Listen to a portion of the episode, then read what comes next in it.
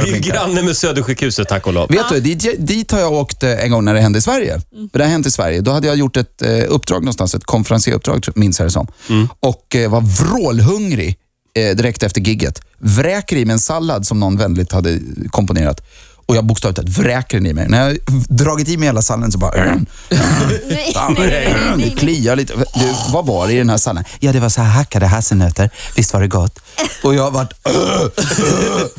Och så, och så vill jag inte stressa upp dem runt omkring mig. Jag, när det händer sånt här så blir jag väldigt lugn. Alltid i såna här situationer blir jag lugn. Så jag var med så här, jag gick fram till, till personen som var producenten och sa, du, kan du köra mig till Södersjukhuset för att jag, jag håller på att svullna igen. Och då var det så här, "Ah!" och det var på vintern och det var sommardäck och, på den här jävla bilen. Och, och hon, jag kommer att sladda upp på Skansbron. Jag bara, helvete, jag dör i en kurva istället. Och så sladdar vi in och då är det sjukt. Då kommer jag i så här kostym, för jag hade ju stått på scenen. Då kommer jag i kostym, går fram till receptionen och man ser ut som den där killen, han behöver kanske vad som helst, men inte hjälp på, på Södersjukhuset. Och inte Jag är här för att sälja Ja, men, något. ja, men typ, hej, jag säljer sjukvårdsutrustning. Men det var ju inte det jag sa. Utan då, och då funkar det så här. Då gick jag fram till henne och hon bara, ja. Ja, hej. Det är så att jag är nötallergiker och jag har ätit hasselnöt. Och då blir det så här, oh my God. Då, blir, då förflyttas man in så att George Clooney kommer in från ena hörnet och någon annan från andra. För då är man på en sån här ER.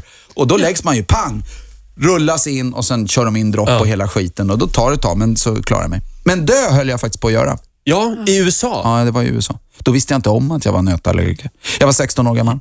Mm. Och eh, då var jag dum i huvudet dessutom, så att jag vräkte i vanligt mig. när man är 16. Ja, men när man är 16 år, Dum i huvudet. man är dum i huvudet per definition. Det är en period där, Ja. mellan 15 och 17. Och då, var det, det var, då visste jag inte om det uppriktigt, Nej. så jag bara vräkte i mig. Och då svullnade jag så mycket igen. Jag svullnade upp. Så jag menar allvar, jag var så satans svullen. Oj. Så att jag, nej, ja, men det är inte så här, ja, ja, han var väl lite plufsig. Jag var alltså, det sprängde i huden. Så, så här som en Michelin-gubbe.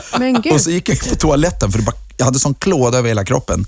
Och så kliade det nere i mi, mellan benen, något fruktansvärt.